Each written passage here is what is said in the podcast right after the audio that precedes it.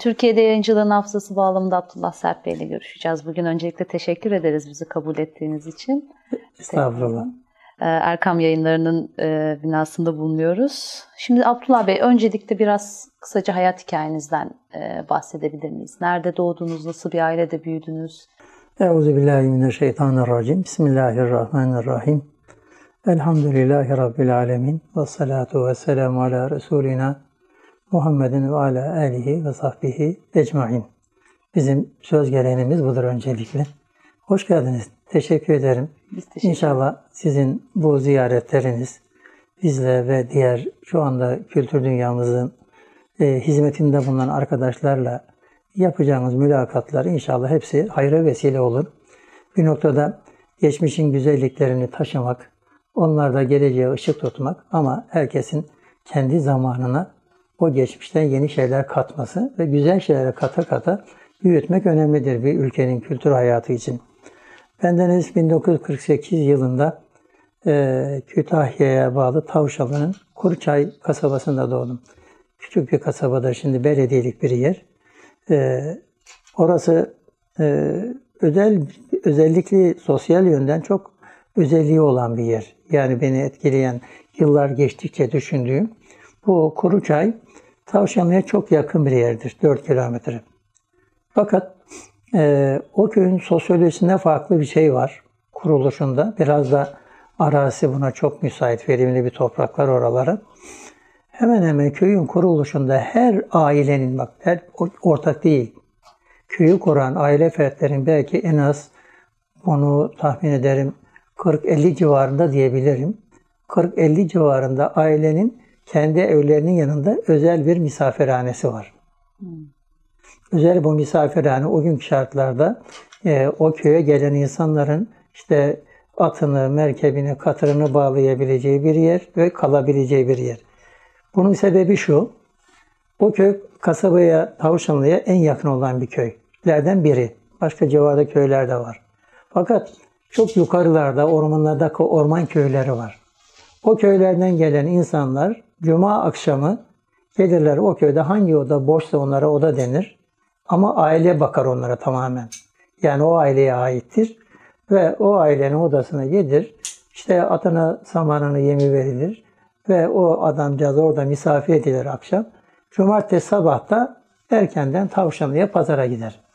Yani çok sosyolojik bir şey bu. Mesela birçok köyde belki köy odaları vardır ama bir tanedir o, bir kişidir. Fakat o köyde zamanda demek ki biraz imkanları müsaitmiş. Her ailenin hemen hemen böyle bir özel odası var. Bizim de böyle bir odamız vardı. Dedelerimiz yaptırmışlar. Ben de çocukken bakardım orada. Gelir birisi, oğlum bu odanın sahibi kimdir? Ve biz anca işte biz iki kişiyiz, üç kişiyiz derler. Biz eve gideriz annemize. Anne odada üç tane misafir var deriz. Bu akşam evde ne piştiyse okunur. Ben bunu sosyolojik olarak çok önemsedim yani. Bu Osmanlı Kervansarayı'nın Osmanlı Kervansarayı'nın biraz daha farklı biraz bir yapısı. Daha farklı yapısı. Yani cumartesi işini görür adamcağız. İşte öğleden sonra yavaş yavaş artık atıyla merkebiyle gider ama şimdi buna ihtiyaç kalmadı. Yani odalarında bir kısmı evlerin kendisine katıldı herhalde. Bir kısmı e, işte belediye tarafından yol üzerinde olduğu için istimlak edildi. Belki çok az bir kısmı biraz daha özel e, şeyler için kullanılmış oluyor. Böyle bir köyde e, doğdum. Gerçekten manevi hassasiyetleri olan bir köy hala da o manevi hassasiyetleri taşıyan bir yer. Mesela yani e, o köyde kahvelerinde oyun oynanmaz mesela hala. Bir içkili market yoktur yani orada hala. Ve böyle e, daha klasik, e, kadim Osmanlı kültürünü taşıyan, biraz daha hani o Anadolu coğrafyası dediğimiz o Türkmen boylarının herhalde oluşturduğu bir örf adetleri zaten o civar Domaniçi aylaları, Bozüyük vesaire biraz daha geleneği fazla olan bir yerler. E, ilkokulu köyümüzde okuduk. Tabi ama o dönemde bir şeyi hatırlatmam gerekir. Yani benim e, ilkokul okuduğum yıllar 1900 herhalde 53'ler, 54'ler hala e, böyle e, Kur'an-ı Kerim'in zor okunduğu, ondan sonra böyle biraz gizli kapaklı konduğu bir dönemdi yani. Hele hele e, okul çocuklarının bir Kur'an okumaya falan gitmesi e, öğretmenler tarafından hoş karşılanmayan bir ortam. Ama ben e, hayatımın belki en önemli noktası olarak orada okudum. Kur'an-ı Kerim öğrenmeyi düşünüyorum. Ve şöyle bir anekdot size nakledeyim. Biz orada Kur'an-ı Kerim'i belinden aşağısı tutmayan, yatağından dışarı çıkamayan bir amcadan öğrenmiştik. Evini Kur'an mektebi haline getirmiş adeta. Herhalde müsamaha ediyorlardı ona ama biz de oraya biraz gizli kapaklı gidiyorduk işin doğrusu. Tabii dönem dönem, Dönem gereği. şey daha hala yani o baskı e, devam ediyordu maalesef. Yavaşça elif bağlarımızı şeyimizin gömleğin içinde saklarız. Biz aşağı mahallede oturuyoruz. O yukarı mahallede o zat. Giderdik, oturduk yatağına kadar yaklaşırız. Oku bakalım oğlum işte Elif, B, T okuruz. Bir ücret falan da istemez zaten o zat. Ama ben yıllar sonra o zattaki enerjiyi anlatıyorum çocuklara, gençlere. Yani gönlünüz, yüreğiniz geniş olursa küçücük bir köy odasında yani köy bir köy evinin küçücük bir odasında da siz Allah'ın dinini öğretebiliyorsunuz, anlatabiliyorsunuz.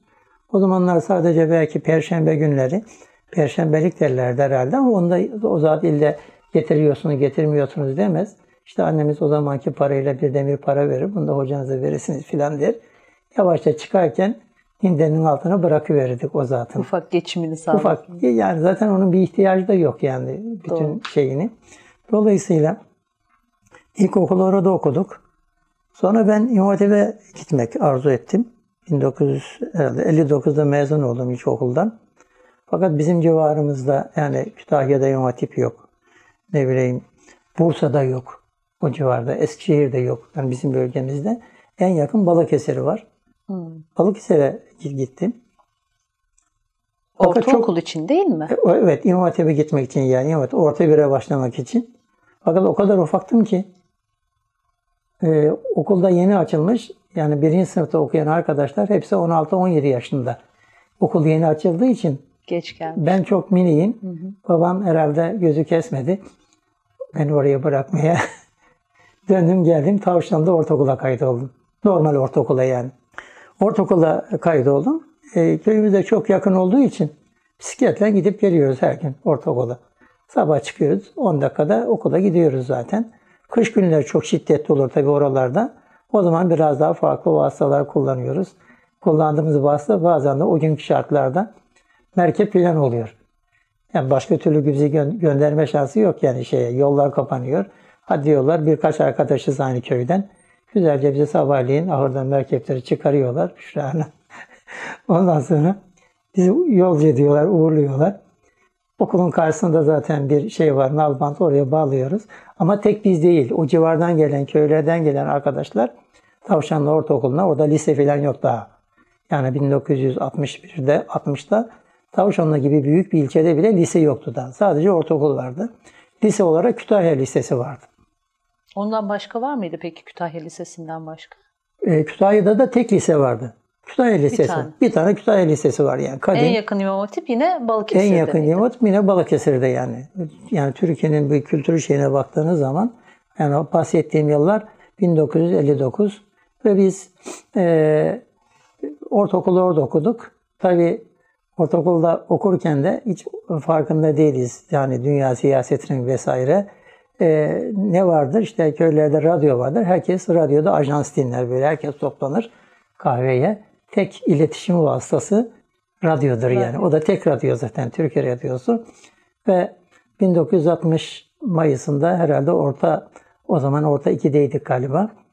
Bir sabah okula geldik. Dediler ki okul yok bugün. Niye dedik? İhtilal oldu dediler. Biz ne ihtilalden haberimiz var ne bir şey. Döndük gittik.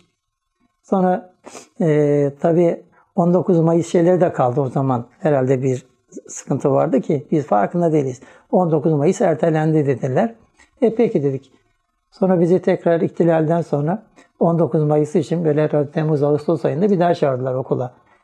Kaza 19 Mayıs'ı kaza etmek üzere. tör- töreninin.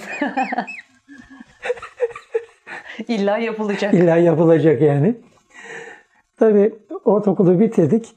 Ben o arada e, elhamdülillah dediğim gibi ailemizde e, böyle o dini konuda bir çok hassas bir aile olduğu için babam e, kendi babasından tahsil yapmış.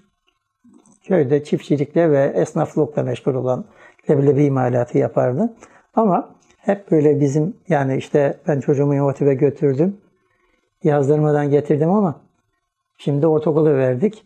Acaba bir farklı yöne yönelir mi diye ben yani yıllar sonra hep böyle babamdaki bu endişeyi hatırlarım Şura Yani çocuğuna sahip ama yani sadece okusun değil, yani güzel Müslümanca yaşasın derdi var. Hı hı. Ben ortaokulu bitirdim. Tekin tekrar İmam Hatip'e gideceğim dedim. O zamanlar ortaokul mezunlarını İmam Hatip'in dördüncü sınıfına alıyorlardı. Yani dört sene orta kısmı var İmam Hatip'in. E, üç sene de lise kısmı var. E ama tabii bir, orta birden başlayan arkadaşlar işte Kur'an-ı Kerim okumuşlar, siyer okumuşlar, akaid okumuşlar, Arapça da okumuşlar. Hadi siyeri bilmememiz engellemiyor şeyi. Dördüncü sınıfa devam etmeyi. Fıkı bilmek de bilmemek de engellemiyor. Birbirine bağlı değil. Tek ne var? Kur'an-ı Kerim'i bilmek gerekiyor. Bir de biraz Arapça bilmek gerekiyor. Ben Kur'an-ı Kerim okuduğum için zaten ortaokuldayken güzelce okuduğum için onda problem yok. Geri bir tek Arapça kalıyor. Yani girdiğim sınıfta arkadaşlar benden 3 sene daha fazla Arapça okumuş oluyorlar. Allah rahmet eylesin. Ben kendisinden çok özel dersler de aldım. Tabii bir tarihi şahsiyettir. İbrahim Koçaşlı hocamız son Edirne müftüsüydü. O da o zaman Balıkesir Merkez Vaiziydi. Ve e, dedi ki biz tamamlarız onu sen dedi. Madem daha okulların açılmasına vakit var. E, okulun da bir müdürü var. O da yani talebeyi dışarı vermek istemiyor. Dışarıdan geleni de almak istemiyor. Öyle bir yapı zaten o, dön- o dönemdeki İmam müdürleri de biraz daha farklı insanlar da bu camiadan yetişen insanlar değil. Yani farklı alanlardan okulların başında müdürler var. Kimisinin akidesi sağlam, kimisi işte müdürlük değil mi her yerde yaparız diyen insanlar. Bizim müdürümüz de biraz öyle müdürlerdendi yani. Allah rahmet eylesin diyelim yine. Güç bela beni okula kaydetti yani. İbrahim Koçaşlı Hoca olmasaydı almayacaktı. Nasıl okuyacaksın, nasıl yetişeceksin filan. Dedik ya bizim hakkımız var gireceğiz işte. Girdik.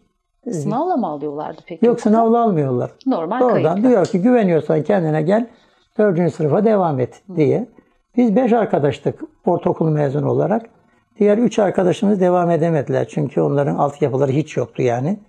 Biz iki arkadaş, öbür arkadaşımızın da babası müftüydü galiba. Onun da biraz birikimi varmış.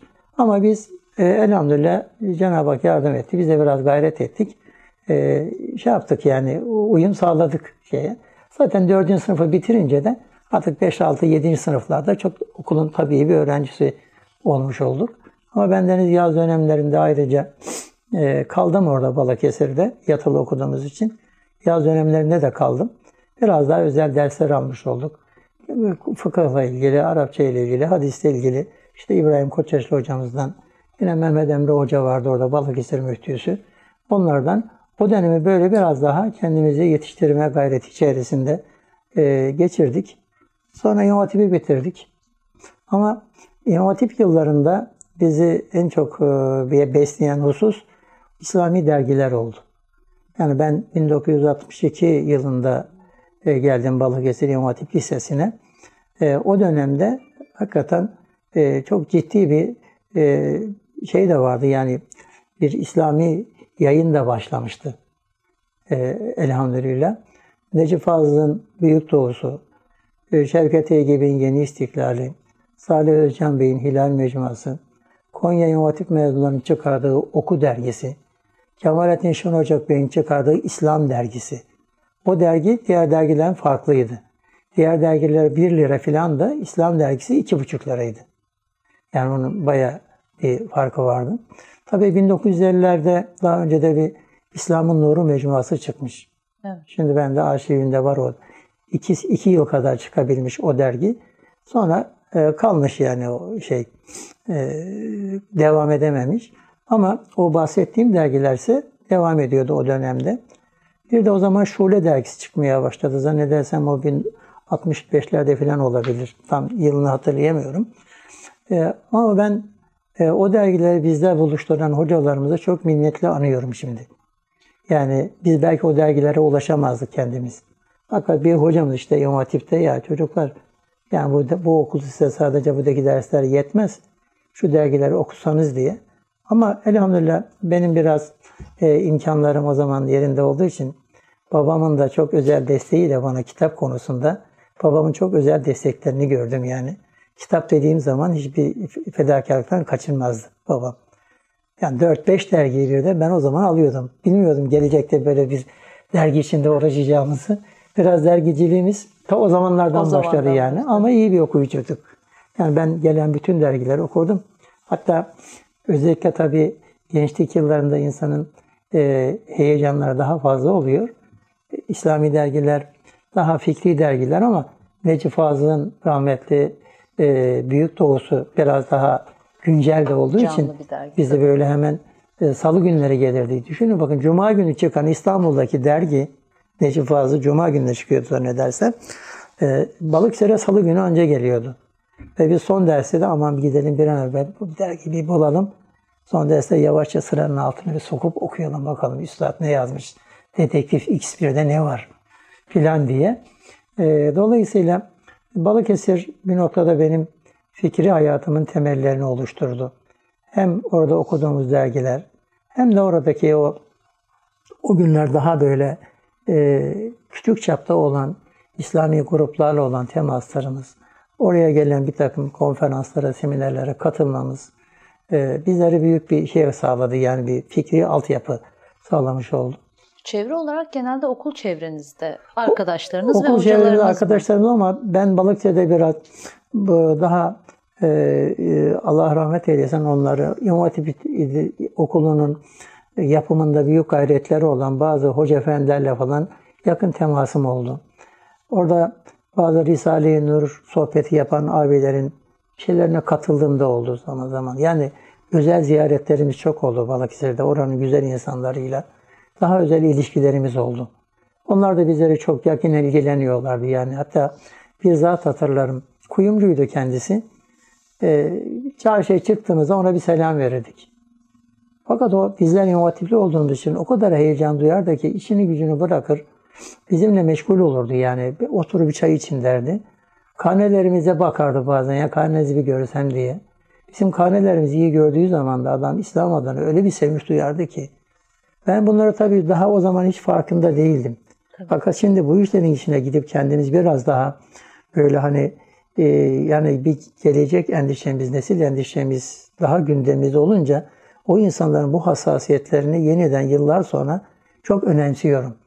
Ve hatırlarım o mesela Kuyumcu Arif abi diye bir zat vardı. Yani o bizim böyle karnelerimizi görünce sanki o gün dükkanında 2-3 kat daha kar etmiş gibi sevinç izhar ederdi. Ya ne güzel bunlar filan. Ümit bunlar bizim için diye. Bize de bir şevk veriyordu tabii o. Dolayısıyla benim Balıkesir hayatım, İmam Hatip hayatım e, biraz daha Balıkesir'in kültür çevresiyle yakından temas ettiğim, özel ziyaretlerimin olduğu, daha çok oranın insanlarıyla görüştüğüm bir zaman oldu. Tabii birkaç arkadaş böyle okulun e, bazı genç arkadaşlar o zaman diyeyim yani biraz da okul yeni açılmış. Zaten biz ikinci dönem mezunlarıyız. Bizim önümüzde bir sınıf vardı benim önümde. Yani ben dördüncü sınıfa gittiğim zaman beşinci sınıf vardı sadece. Altı, yedi yoktu daha. Dolayısıyla biz biraz da okulun abisi pozisyonda olduk hep kaldığımız yıllarda. Öncü pozisyonda. Kaç yılında mezun oldunuz? siz? 1966'da mezun oldum Balıkesir İmam Hatip'ten. Ee, sonra geldik burada İstanbul Yüksek Öğretim Enstitüsü'ne. Ve İstanbul'a ilk geldiğimizde de Yine siz tercih ettiniz değil mi e, Tabii, İslam tabii. Yüksek Okulu'nu okumaya? Evet. Yani ben şeyi de yani İmam Hatip'i de kendim tercih ettim. Ee, hatta biraz böyle benim İmam Hatip'e gitmeme iki türlü bir engel vardı. Bu biraz hani özel notum. Evet hani dedin ya özel notlar olacak diye. Fakat onu anlatmak isterim işin doğrusu yani. Sevindim. Fakat geçtik oraları. Abim ile muhakkak liseye gitmemi, Hatip'e gitmememi istiyordu. Ama madem okuyacaksa şöyle olsun filan diye üniversite gitsin diye. Bir başka zat da o da din adına aman İmam Hatip'e gitme. Orada sağlam din eğitimi verilmez. Hatta oradan daha işte şöyle insanlar çıkar filan gibi İmam karşı bir zihniyet. O da din adına ama ikisi de yanlıştı bence. Ee, İmam Hatipler ben Türkiye'nin çok önemli bir şey olarak düşünüyorum hala. Yani İmam Hatip'e gitmenizi istemiyor. Onun dışında alternatif bir Onun eğitim, dışında başka medresede işte, vesaire daha özel bir kurslara, yurtlara gitmemizi istiyorlar herhalde. Orada Arapça okursunuz falan diye. Ama onlara ihtiyaç olmadan da Cenab-ı Hak bize kendi yolumuzda oralarda öğretilen Arapçayı da öğretti. Ee, onun için onlar geçti ama Türkiye'nin bir dönemki tartışmalarıydı.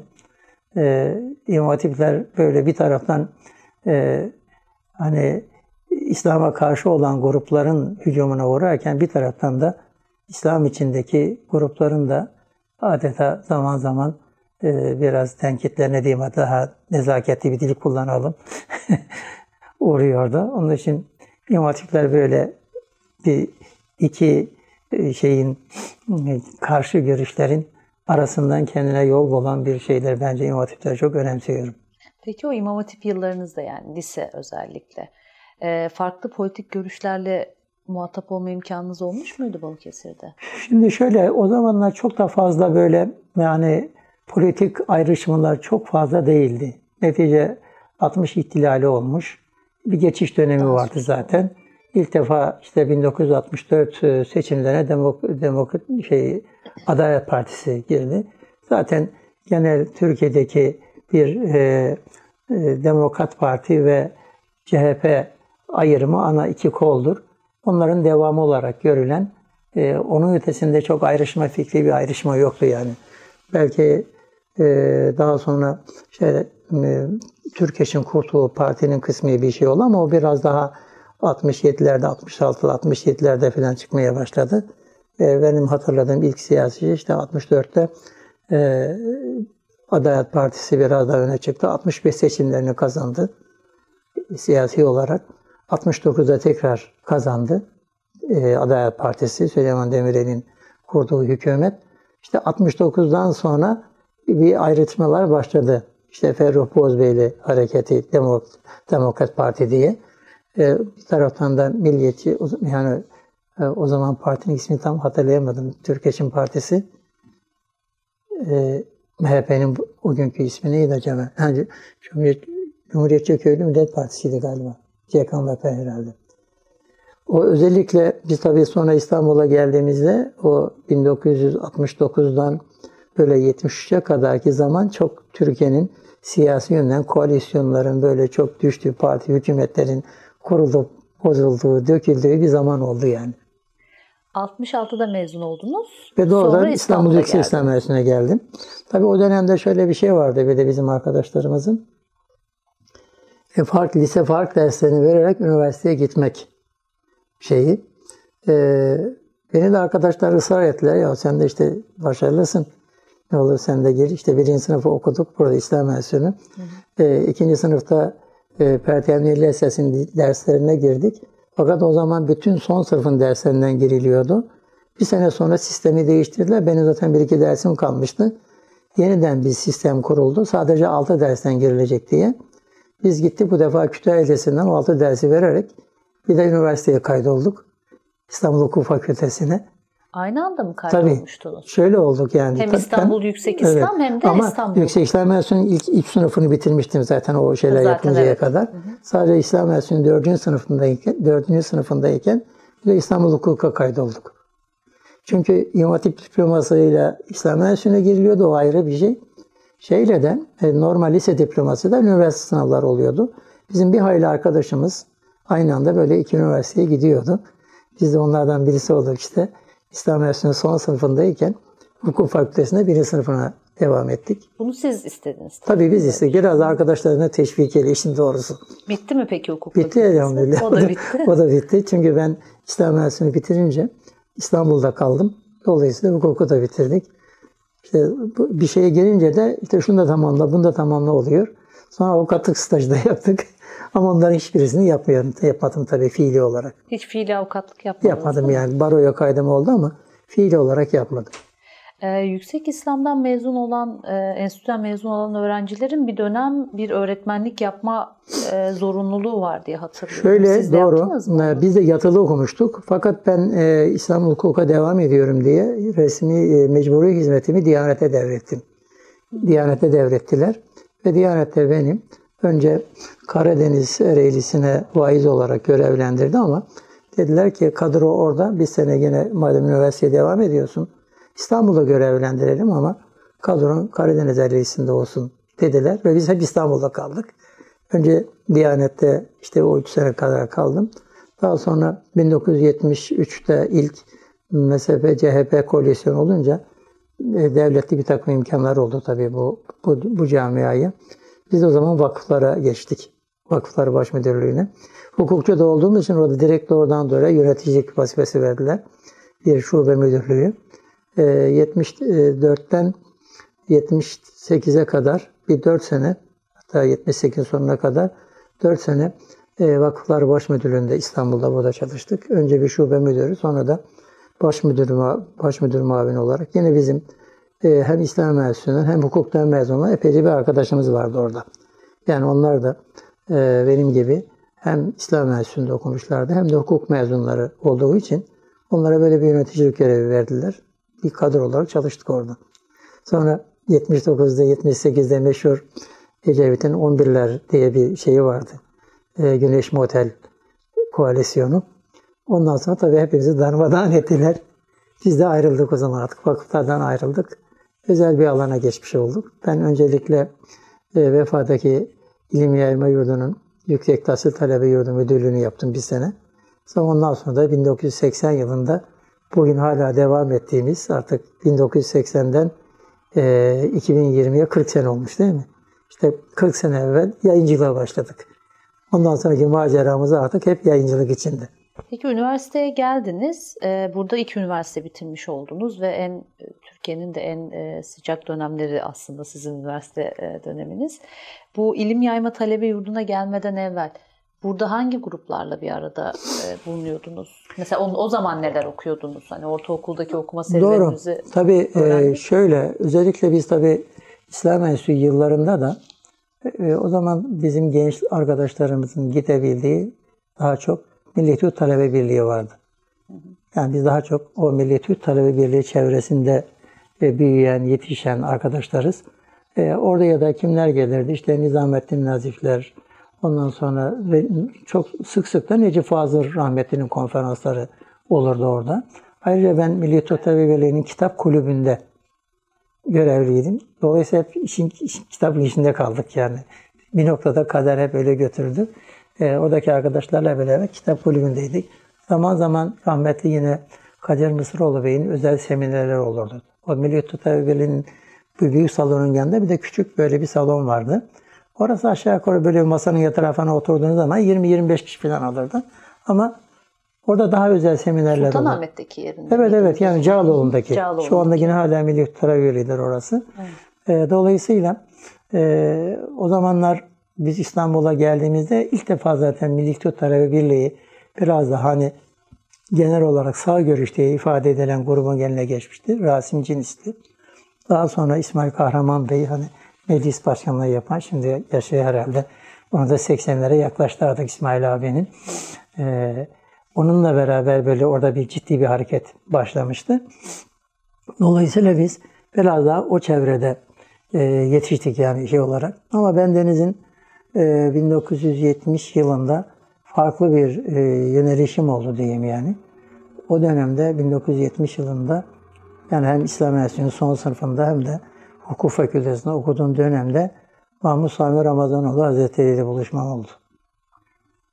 Belki de benim biraz hayatım, hayatım artık ondan sonra zaten o çizgide hep gelişti yani. Ee, yani diğer faaliyetlerine kopmadık ama kültür faaliyetlerinden.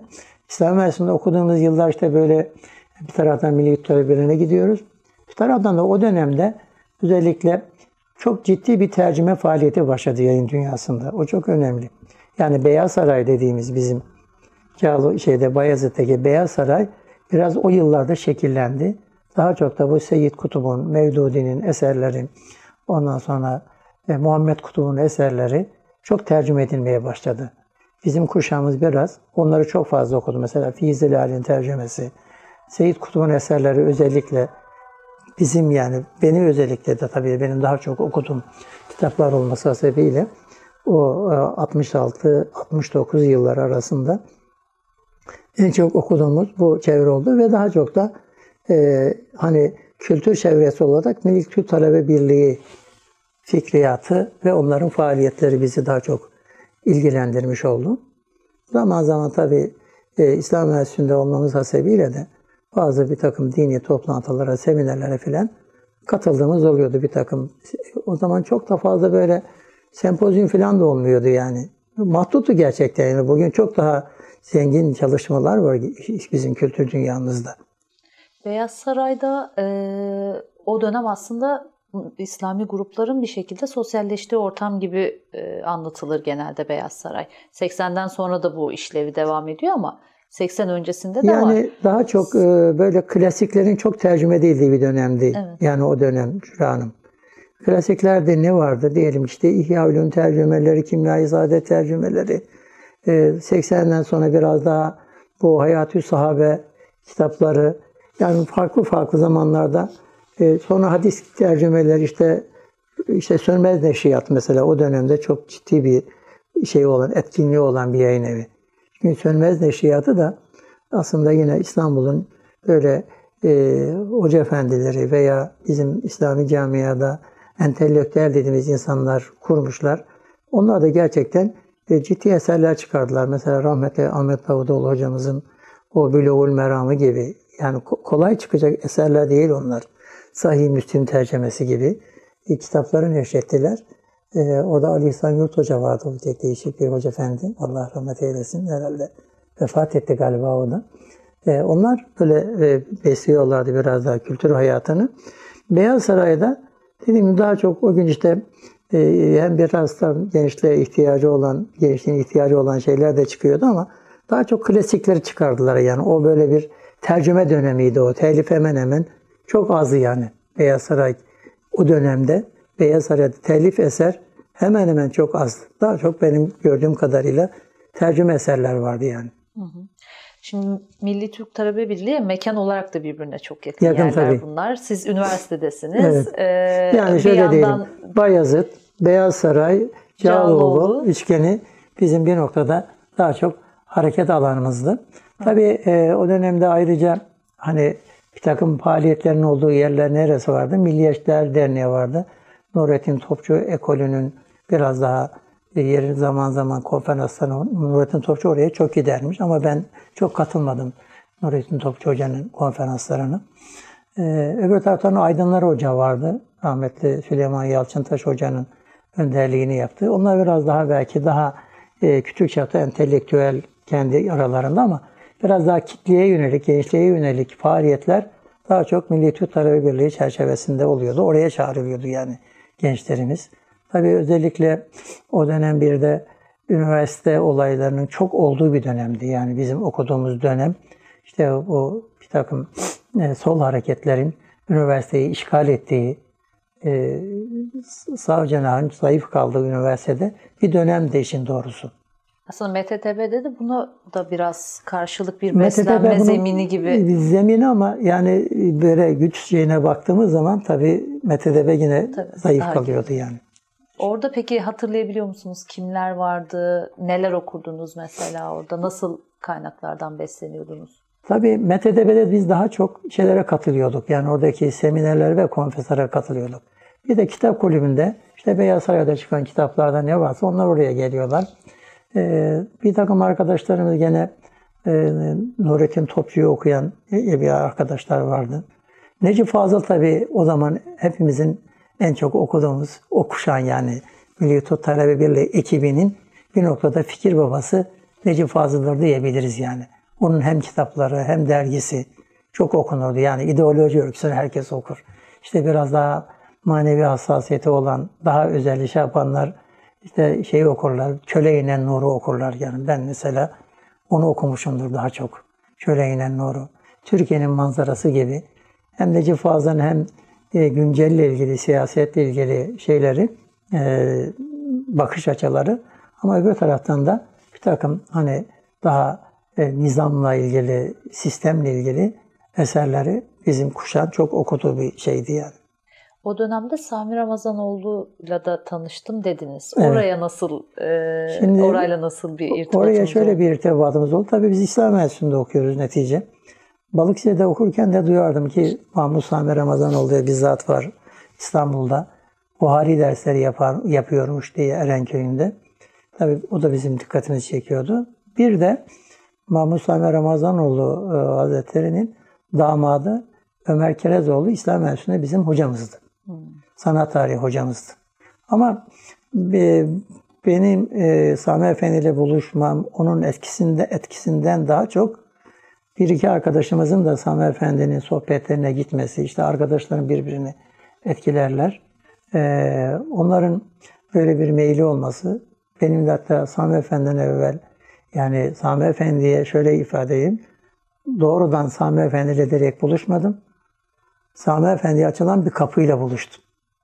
Merhum Musa Topbaş Efendi. Önce onunla buluştum. Önce onunla buluştum yani. Hmm. Yani onun kapısından Sami Efendi ile buluştum. Yani bu benim için çok önemli bir şeydir.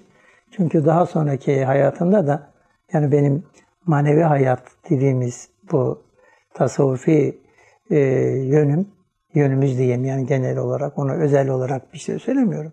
Ama her insanın beslendiği kaynaklar oluyor. İlmi kaynak oluyor, irfani kaynaklar oluyor Büşra Hanım. Yani ilmi kaynakların işte İslam Enstitüsü, İbrahim Koçyaşlı hocamız, Mehmet Emre hocamız gibi Allah razı olsun hepsini rahmetle yad ederiz. Bizi ana kaynaklarla buluşturan, kitapla, sünnetle buluşturan bir de insanın bir de irfani yönü oluyor. O da bir nasip meselesidir. Ben tasavvufa bakarken hep İmam Rabbani şu sözünü söylerim. İmam Rabbani diyor ki şeriattan mesulüz. Tarikattansa mecuruz. Tamam mı? Ana meseleniz şeriattır. Az önce siz gelmeden önce de bir İmam Rabbani'den bir şey okuyordum. O diyor ki Hazret bütün derdi onun şeriat. Şeriatı diyor kitap ve sünnettir. Diğer bütün manevi oluşumlar şeriatın tahkimi içindir. Yani şeriattan ayrı bir şey yoktur.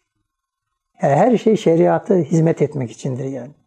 Diğerler hep birer okuldur. O okullar sizi şeriatı tahkim etmek için bir anlamı varsa, şeriatı tahkim eden bir yönü varsa o zaman anlamlıdır diye ifade edebilirim cümleyi. Ama tabii o irfani boyutta bir nasip meselesi. Bir arkadaşımız vesilesiyle biz Musa Topaş Efendi'nin sohbetine gittik bir gün. Ama benim hayatımın bir noktada irfani yolculuğun başlama noktası oldu orası. Çok etkilendim ondan. Yani öyle bize gittiğimiz zaman da Musa Efendi tasavvuftan, tarikattan filan da bahsetmedi. Gerçekten yani. Sadece bize Hazreti Ebu Bekir kitabını okudu. Yani Hazreti Ebu Bekir kitabı da Mahmud Sami Efendi'nin bir kitabı. Ve o kitabı da biz ben İslam Enstitüsü'nün talebe cemiyetinde görelim. Yani biraz talebelik yıllarım çok aktif bir faaliyetlerin içinde geçti. Yani hep talebe cemiyetlerinde, işte kitap kulübünde, Milli Tıp Talebe Birliği'nde biraz daha gençlik yıllarımız bu talebe faaliyetlerin içinde geçti. İslam Enstitüsü'nde de talebe cemiyetindeyim aynı zamanda. Ee, orada da biz bu kitabı dağıttık. Kendimiz de aldık bir tane. Mahmud Sami Efendi'nin ve şunu söylemek isterim bir yayıncı olarak. O kitap Osmanlıca basılmış. Hazreti Ebu Bekir Sıddık. Yani Sami Efendi biz Erkam yayınlarını kuruncaya kadar 1980 yılına kadar 73'te bir iki kitabına müsaade etti. Zaten ondan sonra yayın evi şeyi çıktı. Şöyle diyebilirim 1973 yılına kadar Sami Efendi kitaplarının Latin harfleriyle basılmasına müsaade etmedi. Defterlerini yazıyormuş Hazret. Bizi okumak isteyenler bu defterden okusunlar Osmanlıca diye. Kendisinde hiç Latince bir notu yok kendi özel notlar arasında. Enteresan bir şey yani. Bu ayrı bir bahis. Evet. Dolayısıyla biz Adet Ebu Bekir kitabını aldık ama Osmanlıca da okuyoruz. Fakat tabii okumaktan okumaya fark var. Yani bir kitabı alırsınız, sırtınızı dayarsınız, ayaklarınızı uzatırsınız, okursunuz. O da bir okumaktır. Bir de bir kitabı alırsınız, kitabın konusuna göre, yazarına göre belirli bir edeple okursunuz. O zaman çok daha kitaptan farklı şeyler alırsınız. Onun için kitap biraz da okuyanına göre e, ayrı bir şey kazanır. Şu an bu çok önemli bence. Yani kitap deyince e, tabii bir de şunu söylüyoruz. Bütün kitaplar bir ana kitaba ulaşmak içindir. Kur'an'a buluşmak için yani. Dolayısıyla Musa Efendi bize öyle uzun tasavvuftan, tarikattan hiç bahsetmedi. Üsküdar'daki Sultantepe'deki köşkünde ziyaret ettik Hazreti. Ve Musa Efendi'yi biz Topbaş ailesinden bir tüccar olarak biliyoruz. Ama baktık ki o tüccarlığın içinde çok farklı bir dünya var. Böyle bizi karşılayışı, tevazu, nezaketi, zarafeti, bizzat kendi elleriyle ikram etmesi çayı. Bunlar tabii birden bir şey anlatmaya gerek yok yani. O zaman modeli görünce ya insan olacaksa böyle olmalı. Yani size uzun uzun bir şeyleri ispat etmek, deliller getirmek durumunda kalmıyor o zaman. Hali görüyorsunuz, yansımayı görüyorsunuz ve kendinizden bir arkadaşlık başlıyor. Böylece bir Musa Efendi kanalından bir Sami Efendi ile buluşma yolculuğumuz oldu yani. Ee, İlim Yayman'ın vefadaki e, yurduna daha sonra O daha sonraki bir şey değil o. mi? Zaten e, şeyiniz vardı yani. Tabii, Hani tabii. ilişkiniz de vardı Musa Beylerle. Anladım. Peki daha sonra ne oldu? Yani 80'de e, İlim Yayman'ın müdürüydünüz ve Erkam e, yayınlarını kurdu Erkam yayınları Evet. kuruldu. Onda şöyle oldu için doğrusu. Yani o da bir tarihi anekdot olsun. 1979 yılında merhum Sami Efendi Hazretleri Medine'ye hicret ettiler. Bununla beraber gidenler oldu tabii. Benim de gönlümde hakikaten 1976'da ilk defa hacca gittim. Çok genç yaşta. Hatta böyle bir e, anekdot olsun. Ailemle beraber gittik. Ben 26 yaşındayım. Hanım da işte 22-23 yaşlarında. E, tam gümrükten geçeceğiz. Oradaki gümrük memuru dedi ki siz herhalde birisini uğurluyorsunuz. Buraya kadar dedi. Yok dedik biz kendimiz gidiyoruz. Aa filan dedi. Bu kadar genç hacca, hacca mı gidilir filan dedi. Valla bir şey dedik. imkan oldu. Gittik işte yani. E, ondan sonra. E, dolayısıyla böyle bir haçtan sonra bir de 77 yılında bir omremiz olmuştu. İçime gerçekten bir Medine sevdası düştü. Sami Efendi de Hazretleri de oraya gidince ya biz de gitsek Medine'de kalsak filan diye bir düşünce oldu bende. 1980 yılında buradan tek başıma Umre'ye gittim. Otobüsle. İstanbul'dan Hatay turuna bindik. Hatay'a indik. Hatay'dan da bindik bir otobüse, işçi otobüsüne doğru Medine'ye. Ve niyetim de gerçekten yani Medine'de bir imkan olsa kalmaktı.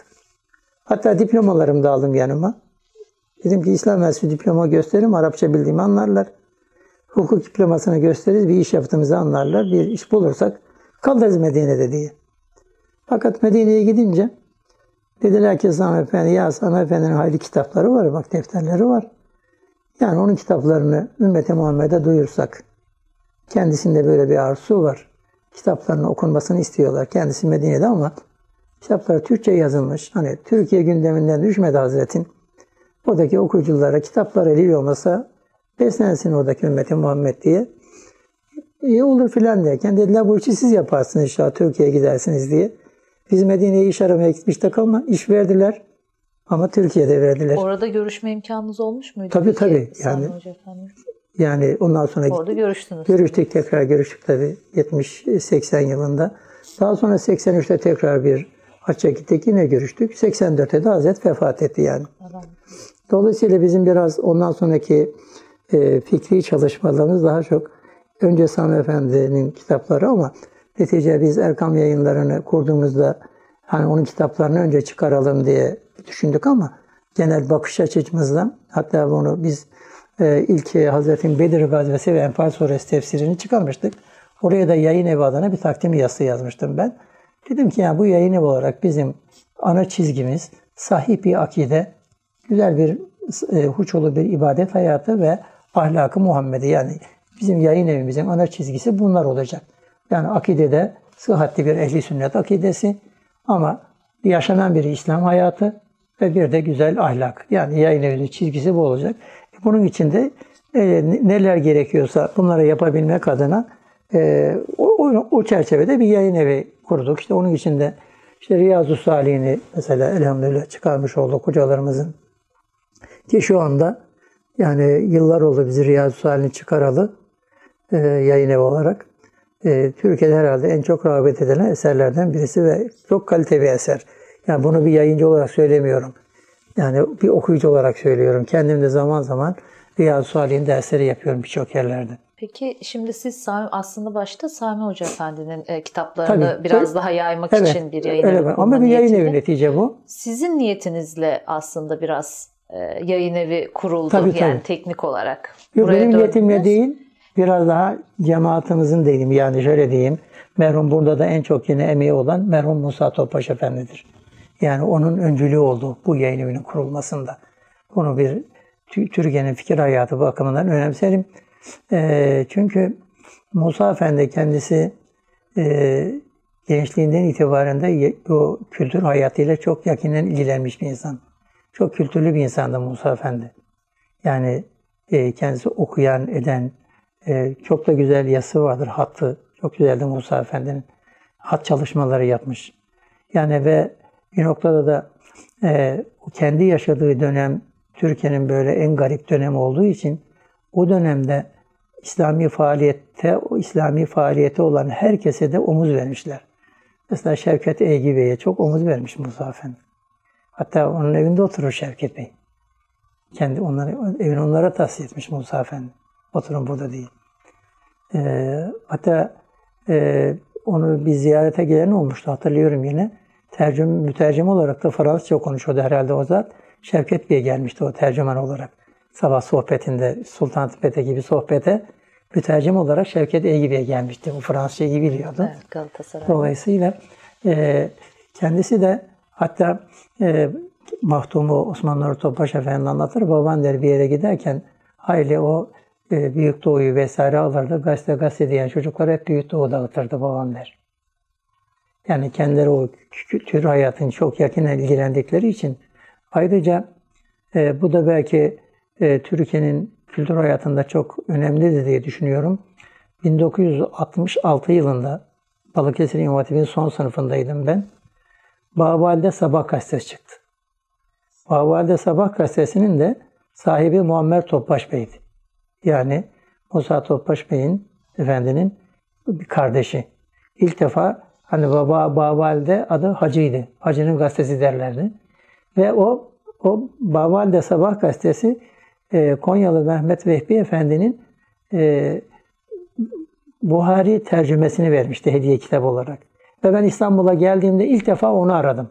Çünkü alamamıştım bir cildini. Balıkesir'de gazeteden gazeteyi aldık ve ben hatırlıyorum bak şimdi hatırıma geldi Büşra Hanım. Dediler ki işte hocalarım işte Baba Halide Sabah diye bir gazete çıkacak. Daha İslami bir gazete. Diğer gazeteler hepsi belli o gibi gazeteler. Böyle hani bizim Mahir hocamızın tabiriyle Allah rahmet eylesin e, demişti ki o bir gün derste e, bir gazete var dedi. Bir yerde Müftü Efendi'nin e, keçisi çalındı diye haberi Müftü Efendi keçi çaldı diye veriyor dedi. İşte bunlara karşı da bir gazete olması lazım demişti o zaman Mahir Hoca. Yani hakikaten Türkiye'nin bu medya dünyası gerçekten acınacak bir dünyadır yani. Ne Sağlık, ki, sağlıklı haber alma kanalları. Sağlıklı haber alma kanallarımız çok uzun yıllar böyle bir kanal bulamadık yani. Hani ayet-i kerimede var ya sizlere fasık bir haber getirirse onu tetkik edin diye. Çok zamanda fasıkların haberlerini ana haber gibi gördüğümüz zamanlar oldu maalesef. Onun için dolayısıyla Musa Efendi bahsinden geldim buraya. Kendisi bu kültür dünyasıyla yakinen ilgilenen e, bir insan olduğu için bir de onun kendisinin merhum Sami Efendi'ye çok özel bir bağlılığı vardı. Yani hayatı adeta onu anlamak, onu taşımak şeklinde özetleyebileceğim bir bakış açısı. Dolayısıyla yayın evinin kurulmasına o öncülük etti diyebilirim. Biz sadece o için ameliye tarafını geliştirmiş olduk. Bu endişelerle bir, bir yayın evi kuruldu. Peki kimler vardı orada sizden başka ilk Biz yayın evi kurulduğunda e, bize üç arkadaş onun istişare heyetindeydi. Kimdik? Yani daha doğrusu fiilen götüren Ali Hüsrevoğlu Bey. Şimdi Marmara İlahiyat'ta Arapça hocasıdır. Bir de yine Profesör Kamil Yılmaz Bey hocamız. Üçümüz başladık biz bu işe. İşte dedik Cağaloğlu'nda bir yer o zaman tutulduk. Mütevazi bir yerdi. Hatta belki e, şöyle ifade edeyim. E, daha yer falan tutmadan da işte geldik Medine'den. Ya işte e, bir iki arkadaşımızdan büyük yine o dostlardan tevhid edilen bize bir emanetle şirketi kurduk filan. Ve ilk hazırlıklarıma da ben ilim verme yurdunda olduğum için zaten oraya yakın bir yerde Unkapan'da e, İmeçe'de bir halı dükkanında başladım. Orada yine bir şey vardı. Orada bir, bir ufak bir masada tasihleri falan kendim yapıyordum. Sonra hemen Cağaloğlu'na geçtik tabii. Dedik bu iş Cağaloğlu'nda yürür. E, yer tutuncaya kadar orada böyle belki 15 gün 20 gün falan. Orada bir halı mağazasında biz kitap tahsiline başladık.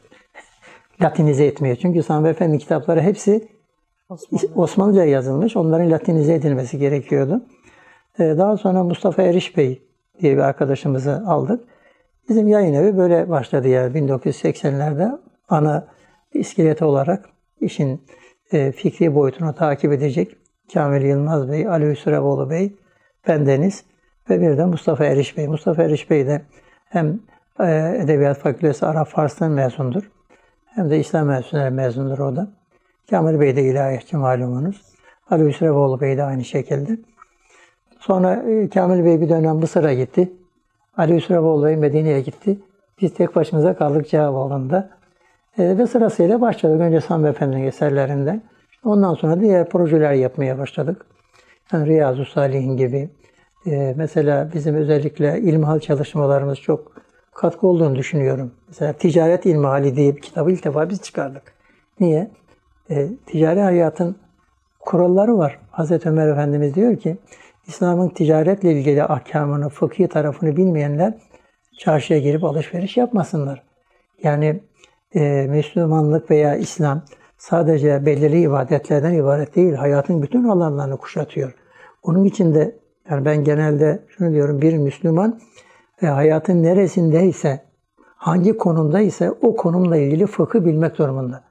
Evleniyorsa önce evlenecek genç aile hukukunu bilecek. Ticaret yapacaksa ticaret hukukunu bilecek. Siyasete girecekse İslam siyasetnameleri okuyacak ama şimdi ne yazık ki kimse o fıkıhı bilmeden evleniyor. Fıkıh bilmeden ticaret atılıyor, param var nasıl olsa diyor. Ondan sonra o genel, genel siyasi siyaset tarihimizi okumadan e, veya tarihi okumadan siyasete atılıyor vesaire ama bunlar da tabi bunları tenkit olarak söylemiyorum. Eksiklerimiz olarak söylüyorum yoksa herhangi bir yargılamak pozisyonda değilim yani. Fakat eğer e, gerçekten hem hakkın huzurunda ciddi manada hesap vereceğimiz bir hayat yaşıyorsak bu hayatın hepsinden hesap vereceğiz. Namazda güzel Müslümansın, namazdan çıkınca başka bir dünyadasın. Öyle değil yani. İslam'ın bizim hayatımızda müdahale etmediği, kural koymadığı bir alan yok. Yani özel alanımız yok bizim şu an. Dört duvar arası diye bir şeyimiz yok bizim yani. Her şeyimiz hakkın murakabesi altında. Alıp verdiğimiz her nefesten sorumluluğumuz var. Onun için de hayatımızın hangi alanı ile ilgili bir ihtiyacımız varsa onu kendi kaynaklarımızdan öğrenmek durumundayız. Yayıncıların da vazifesi budur diyorum. Efendim şu kitap çok rağbet görüyor. Kitap çok rağbet görebilir. Ama hangi alanlarda boşluk var? Ya bir yayıncı onu düşünmeli. Peki hocam siz bunların hepsini yapabiliyor musunuz? Yapamıyoruz belki. Ama gündem olarak yayıncı arkadaşlara buluştuğumuz zaman şunu demek isterim yani. Gerçekten bizler yani hani Allah'ın razı olduğu bir Müslümanlığı yaşanması için neye ihtiyaç varsa onu söylemeliyiz. Günlük nelere ihtiyaç çıkıyorsa yani günü gününe İslam'ın çözmeyeceği bir mesele yok. Her gün yeni meseleler çıkıyorsa İslam ona bir çözüm bulur muhakkak. Ama kitaptan, sünnetten bulur ama işte hattan bulur, bir yol bulur. Onu da Müslümanlara duyurmak durumundayız. Evet. Bunu ilk yayıncılığınızın ilkesi olarak ele alabiliriz aslında. Yani Evet. bir ihtiyaca dönük bir yayın Tamam. çıkarma, e, hayatı bütüncül okumak Ben için. öyle oku- bakıyorum yani. Yancıla öyle bakıyorum. Yani bir ticari faaliyet gibi değil. Yani yayıncılık aslında belki şöyle düşünebiliriz. Ee, ya kendi dünyamızdaki doğru bir mesajı veya bize emanet edilen bir mesajı taşımacıdır. Kendi içimizden de bir mesaj üretebiliriz. Bu da güzeldir. Onu başka yüreklere taşımak için. Ama bir de bize emanet edilen ana mesaj var. O mesaj kitap ve sünnet mesajıdır. Çünkü onu Resulullah Efendimiz ilk defa bunu yaptı yani. İslam ol kurtul diye iki satır yazdı. Götürüp bunu Bizans'a verdi. İşte o bir yayıncılıktır yani. Bir mektuptur değil mi? O mektubu taşıma işidir esasında. Şimdi daha farklı vasıtalarla belki şimdi biraz daha değişti de şartlar. Dijital dünya vesaire. Ama mesele esas yayıncılık kelimenin kendisinde olduğu gibi bir doğru fikri yaymaktır ama belki de en çok burada dikkat edecek husus da inşallah doğruyu yaymak olsun misyonumuz. Yani ahirete vardığımızda bir de yanlışın yayınını yapan bir insan olmayalım inşallah. İnşallah. Şimdi ilk e, Sami Efendi'nin kitaplarını bastığınızı söylediniz. E, peki sonuç nihayet olarak aslında bir cemaatin bir cemaat yapısının yayın evi haline geldi Erkam Tabii. yayınları. Ilk yani başta. Erkam böyle belki hani şöyle diyeyim. Cemaate mensup insanların kurduğu bir yayın evi. Biz şimdi Altınoluk anlatırken de diyoruz ki Altınoluk bir cemaatçılık yapmıyor. Ama Altınoluk'da, Altınoluk'da yazan, çizen veya Altınoluk'la uğraşan arkadaşlar bir cemaatin içinden beslenen arkadaşlar. Ama bir cemaat adına hareket etmiyor hiçbir zaman yani. Hani biz bizim Altınoluk'un bugüne kadar işte 34 sene olmuş sayılımıza bakılırsa hep tasavvuf tarikatiye gitmiyoruz yani. Müslümanın gündeminde ne varsa bir Müslümanın genel gündeminde. Hani bir genel gündem vardır. Bir de sizin daha özel gündemleriniz olur. Ama özel gündeminiz genel gündemden kopuk olarak olmaz.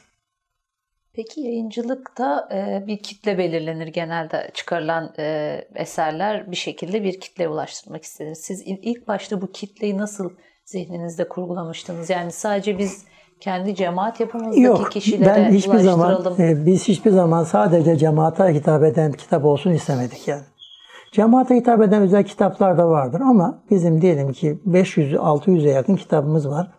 Bunların içinde cemaate özel olarak hitap eden çok az. Ne bileyim Adab Risalesi.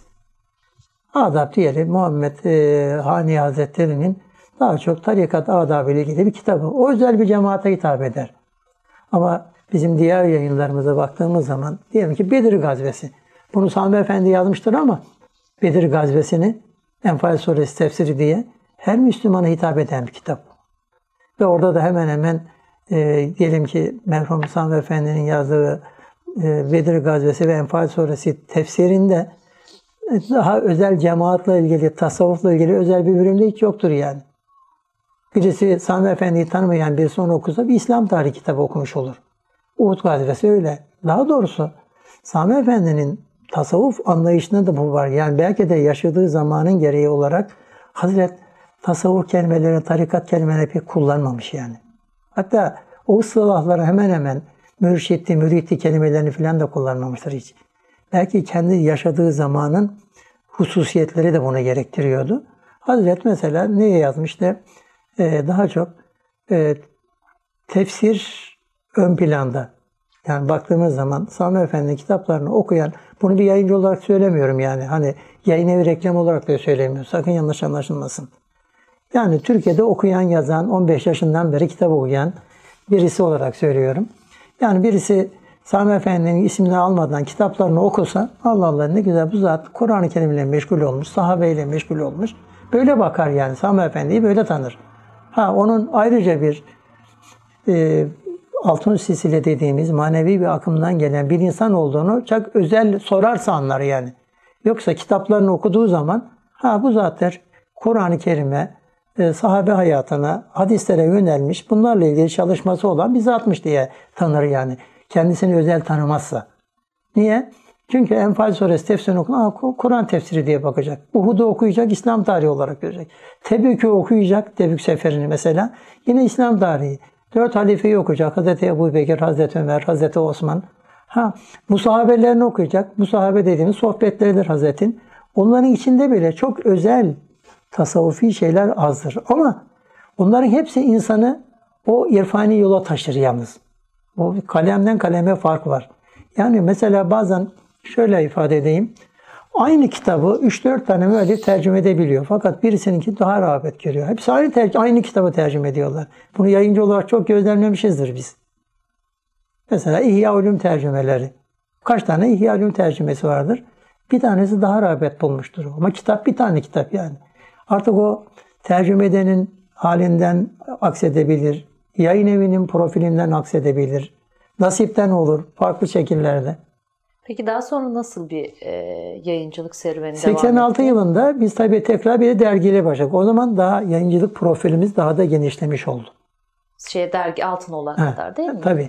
E, Altınoluk'a başlayınca tabii dergi daha genel kitleye hitap eden de bir e, yayındır. Altınoluk'ta da genel şeyimiz bu oldu yani biz hani elbet bir cemaat tabanınız var. Ama iş sadece aman bu cemaat tabanı söyleyeyim sadece değil. Yani bir Müslümana ne söylenmesi gerekiyorsa Müslümanın ana gündemi neyse hep Altınoluk'ta onu işlemeye çalıştık. Hatta onu biz şöyle ifade ediyorduk. E, Altınoluk üç misyonu anlatmaya çalışıyor. Bir, İslam insan ilişkisi. İnsan insan ilişkisi ve İslam toplum ilişkisi. Bu ilişkiler önemli çünkü. Bir kere İslam'la toplumun ilişkisini alemde bizim İslam'la kendi ilişkimiz nasıl bir pozisyonda ve bizim insanla insan ilişkileri nasıl hep yani bunları gözetmeye çalıştı. Onun için de elbette ki Altınoluk'un çok daha özel konuları oldu. Yani işte Sami Efendi ile ilgili sayılarımız, Musa Efendi ile ilgili özel sayılarımız olmakla beraber hep e, gündemimizde bir Müslümanın e, gündeminde ne olması gerekiyorsa. Dediğim gibi mesela biz aile ilmihali çıkardık bir sene. Özel bir aile ilmihali. Sonra taklitleri çıktı yani. Memnun da oluyoruz tabii. Aile hayatı çok önemli çünkü yani bugün birçok maalesef gencimiz e, İslam'ın aile hayatı ile ilgili ölçülerini bilmiyor. Tamam biz evleniyoruz diyor, evleniyor. Boşanıyoruz diyor, boşanıyor. Ama ne evlenirken hangi hukuka girdiğini, boşanırken hangi hukukla mükellef olduğunun farkında olmuyor. Onun için hani Hz. Ömer Efendimiz'in sözünü naklettim biraz önce. İslam'ın alışverişle ilgili ahkamını bilmeyen e, çarşıya girmesin diye bir sözünü. Aynı şey evlilik hayatıyla ilgili yani. Önce evlenecek gençler arkadaş kadınına, erkeğine bak girdiğiniz aile hayatının hukuku budur. Yani vakit müsaitse bununla ilgili çok, ben şimdi biraz da yaşım ilerledi bize çok mesele geliyor. Çok, çok misaller veririm. Bazen diyor ki oğlum evlenmeden önce bir hukuk okusaydınız diyorum. Ama İslam hukuk değil yani. Aile hukukunu okusaydınız yani. Bazen kızlarımıza söylüyoruz bunu, bazen delikanlılara söylüyoruz. Bakıyorsun bir delikanlı şer'i olarak aile hukukunu bitirmiş. E hocam diyor benim davam var. Bana yardımcı olur musunuz? Ben boşanmak istemiyorum. Diyorum ki evladım sen boşanmışsın zaten. Sen boşanmışsın, senin hukukun boşanmış, boşamamış olması, seni bir hakimin boşamaması önemli değil artık bu saatten sonra. Esasen yani bu, insanın muhatap olduğu tüm müesseselere dönük bir yayıncılık Evet, ben böyle düşünüyorum yani. Şimdi Altın Ola'ya gelmeden evvel 80 yılında kuruluyor Erkam Yayıncılık ve e, aslında hem İslam coğrafyalarında çok e, devrim olmuş, İran devrimi olmuş o sırada ve bunun Türkiye'ye çok ciddi bir yansıması var. Aynı zamanda 80 darbesi Türkiye'nin kendi iç siyasal ortamını e, ciddi etkileyen. Şöyle genel bir yorum e, görüyoruz biz. E, bu e, her iki kırılmanın etkisiyle 80 sonrasında İslami yayıncılıkta bir yükselme oldu. İşte Beyaz Saray hakeza farklı e, bir formatta yayın evlerinin bulunduğu bir mekana dönüş yaptı. Fikirsel olarak biraz daha e, devrimin de etkisiyle, İran devriminin özellikle etkisiyle e, daha politikleşti değil belki. E, ve aynı zamanda bu STK'laşma durumu da söz konusu değildi 80'lerin Tabii. sonlarından evvel. Yayın evleri, yayıncılık, dergicilik sizin de bahsettiğiniz alanlar biraz bu işlevi gördü. Siz hem Erkam yayınları olarak bu pozisyon nerede hangi pozisyonda kendinizi buldunuz hem de o o 80'lerin 80 sonuna kadar gelen İslami yayıncılığı genel bir değerlendirme Tabii şöyle e, özellikle 80 e, yılından sonra belki bizim İslami camiada en çok öne çıkan hani dergilerde erken başladılar onlar. E, rahmetli Esat Coşan hocamızın önderlik ettiği İslam dergisiydi. Yüz binlere tirajları buldu yani ve biz o dergilerinde çok istifade ettik. Yani ben ferdi olarak yani hani ta gençliğimden beri çıkan bütün neşriyatı takip eden birisi olarak e, bütün dergileri takip eden bir insanım. Dolayısıyla onlardan e, çok istifade ettik, faydalandık. E, o dönemde hakikaten İslam dergisi böyle bir çığır da açtı işin doğrusu.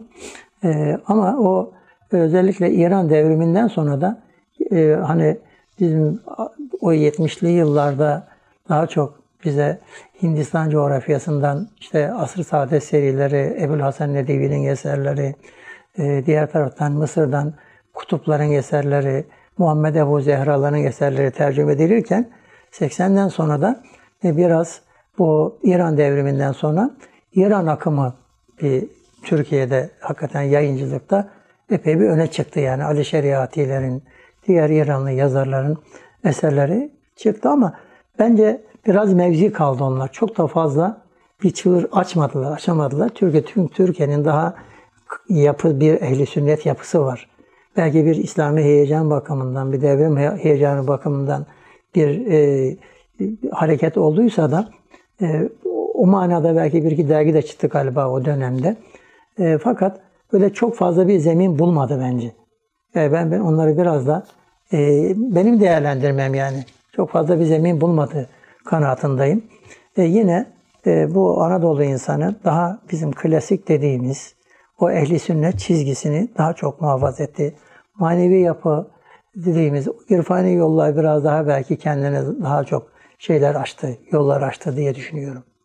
Cağaloğlu'ndan sonra başka bir yere taşındın mı Erkam Yayınları? Peki? Biz e, 1980'de başladık Cağaloğlu'nda. 2000'e kadar Cağaloğlu'nda kaldık. Yani Altınoluk dergisinin de 86'dan 2000 yılına kadar ki e, idare merkezi hep Cağaloğlu oldu. Biraz tabii e, dergiciliğin e, böyle hani daha e, geniş alana ihtiyacı olduğu için de 2001'den itibaren iki telliye taşındık. Yani orası işte matbaa işine de girmiş olduk o sırada. Önce kitapçıydık sadece. Kitapçılıktan dergiliğe bir akım oldu. Yani işler kendi kendine bizi getirdi yani. Bazısını biraz düşünerek, bir kısmı da üstümüze gelerek. Mesela matbaa işi de bir noktada hani bizim düşünmediğimiz bir işti. Yani biz, bizim işimiz mutfak işidir. Yani fikri mutfak işidir. Biz kitabımızı yazarız, dergimizi çıkarırız. Ama onları e, paramızı veririz, ücretini veririz, bir yerlerde bastırırız.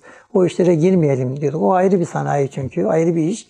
Fakat biraz da şartlar ona getirdi. E, Eramat matbaası vardı iki de, şeyde Merter'de. Yine bizim camianın arkadaşlarının kurdukları bir matbaaydı. Dergiyi biz oraya bastırıyorduk hep. Onlar da o işi bırakmak istiyorlarmış. Yani dediler biz zaten derginiz var. %30'unu aşağı yukarı karşılarsınız. Gelin makineleri size verelim. Dediler. Öylece kendimizi bir de matbaacılık içinde bulduk ama ondan da çok ayrı bereketler oldu. Şöyle bereketler oldu. Yani bugün biz e, Erkam yayınları ve Erkam matbaası olarak da e, tabi matbaacı izleyip de biz her şeye el atmıyoruz Büşra Hanım. Yayıncılıktaki ana bakışımız neyse matbaacılıktaki bakışımız da o bizim. Biz diyoruz bunun için kurulduk. Biz bu alanda çalışırız. Yani bizim bastığımız kitaplar gene bizim İslami camia dediğimiz bizimle fikir birliği içinde olan düşün, genel düşünce olarak yani. Onları basıyoruz yani birkaç yayın evini, Beyan Yayınları gibi, Zafer Yayınları gibi gerçekten hem çizgileri düzgün hem de ümmete Muhammed'e faydalar olduklarını düşündüğümüz yayın evlerinin hizmetini de yapmaya çalışıyoruz.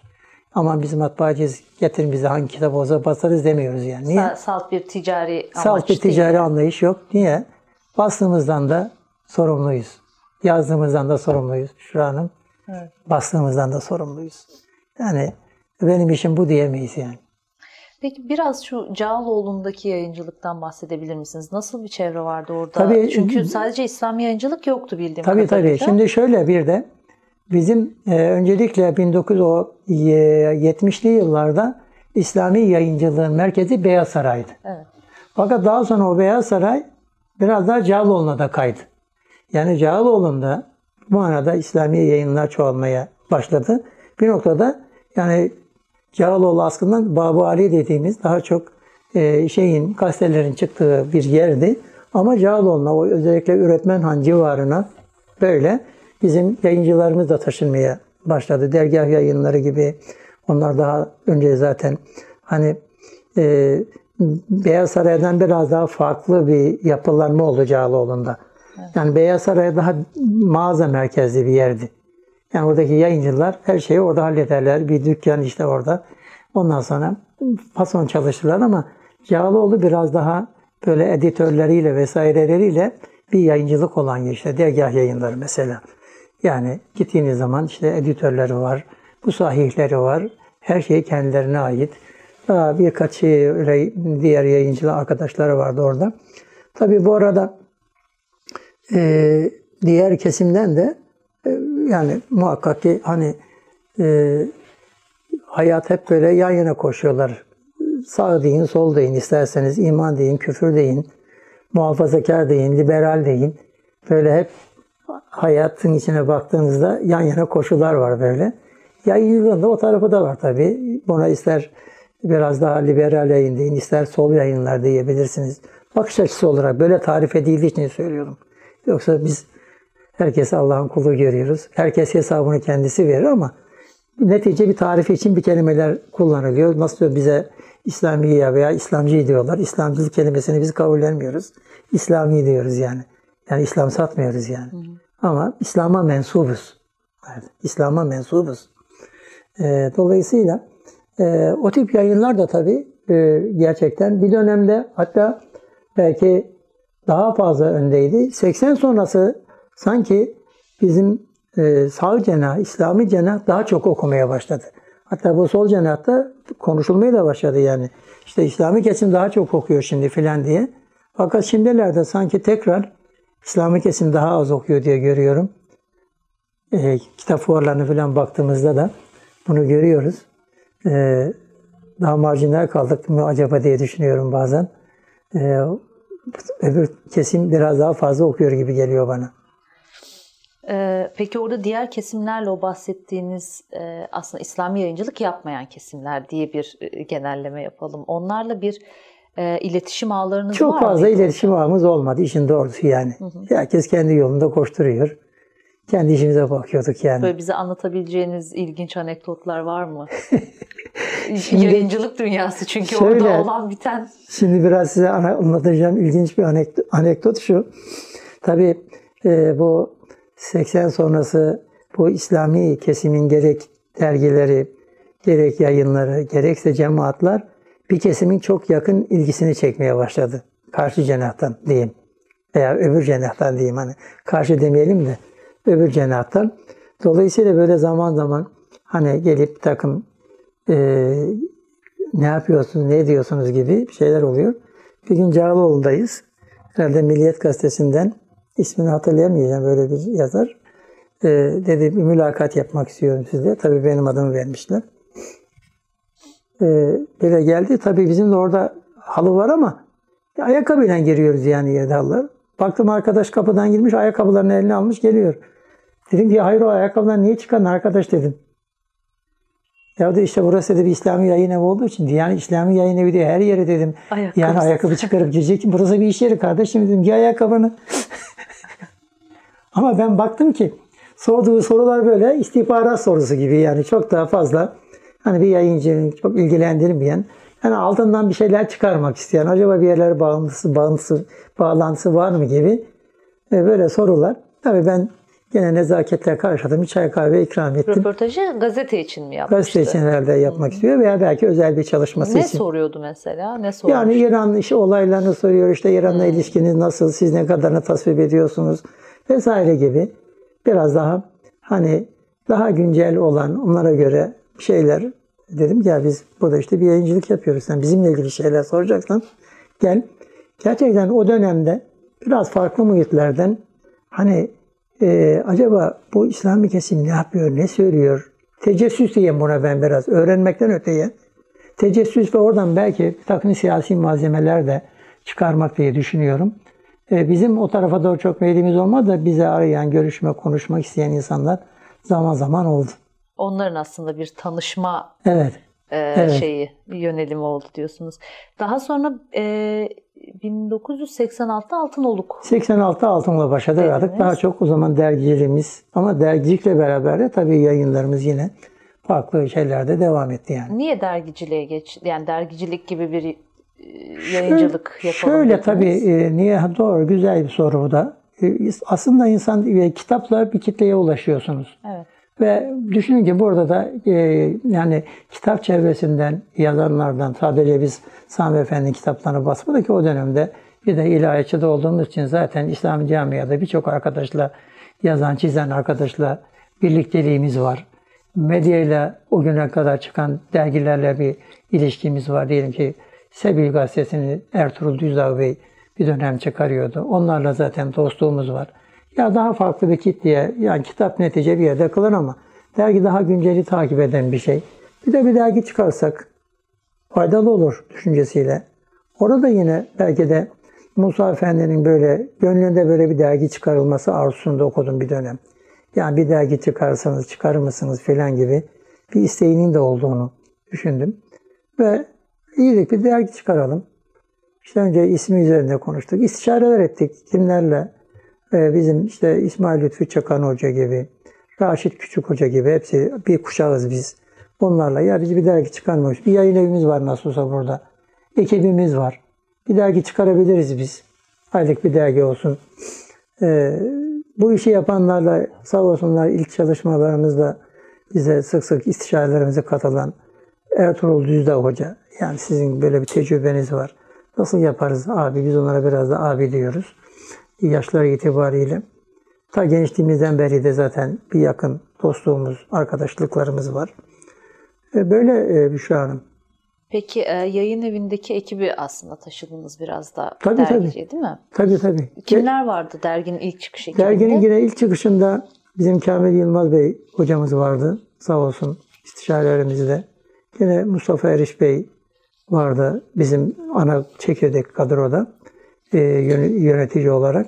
Ama istişare heyetimizde o dönemde Ahmet Taşgetiren Bey tabii bizim 33 sene e, genel yayın yönetmenliğimizi yaptı. Onlar da biz İslam Üniversitesi'nde sınıf arkadaşıyız. Öyle mi? Tabii. Hmm. Ahmet Taşgetiren Bey ile yani bizim e, ben e, onu da burada bir tarihe not düşsün diye söyleyeyim. Ahmet Taşgetiren Bey benim 54 yıllık arkadaşımdır yani. Maşallah. Evet. 1966 yılında o Maraş İmam Hatip'ten bense Balıkesir İmam Hatip'ten geldik. Aynı sınıfta okuduk. Aynı yatakhane kaldık.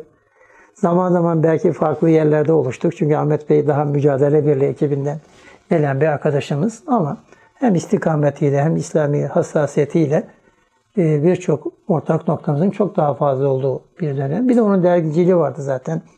Hani edebiyat, e, Türk Edebiyat dergisinde filan da çalıştığı için o dönemde Yeniden milli yazan çıkan. tercüman gazetesinde çalışıyordu. Bizim de İslam Üniversitesi arkadaşımız olunca ilk sayımızdan itibaren önce istişarelerimize ve yayın kurulumuza katıldı. Daha sonra da tercüman gazetesini bırakıp profesyonel bir eleman olarak bizimle bir 33 yıllık dergi arkadaşlığımız oldu. Şimdi arkadaşlığımız devam ediyor yani bir şey yok yani. Tabii dergiden ayrıldı ama Dergiden ayrıldı ama dostluğumuz, arkadaşlığımızda Bu bir problemimiz yoktur. Bu 80 sonrasında sıcak ortamda bir yayıncılığa da aslında bir baskı da bir yandan e, böyle anekdotlar arasında biraz görüyoruz. Yani biraz tabii sola bu ağırlık verilmiş ama daha sonra bu sansürler, e, İslami yayıncılığın da bir yerden sonra durdurulmaya çalışılması diye bir sorun şey var. Hatta ben gelmeden evvel biraz e, Altınoluk dergisinde bu e, yayı- yayıncılıkla ilgili yazıları aradım. İşte neler çıkmış, nasıl bir e, seyir vardı. Şey var 19. sayısında e, 17 yıl önce 1987'de evet Miyel Abdullah kitabın kitabı yasaklanıyor. Hmm. E, işte şeyine yay- yazarına e, yayın evine bir ihtar gidiyor sanıyorum. Bunu eleştiriyorlar dergide. Yani işte hani böyle bir şey olabilir Ben mi? şimdi bir dakika şimdi 1900 tabii e, 83'te e, Turgut Özal'ın ilk iktidarı oldu. Evet. 1983'te geldi Turgut Özal Bey merhum e, şeye. Tabii 80 ihtilalinden sonra belki bir geçici olarak Müslümanların üzerinde bir baskı oluştu tabii.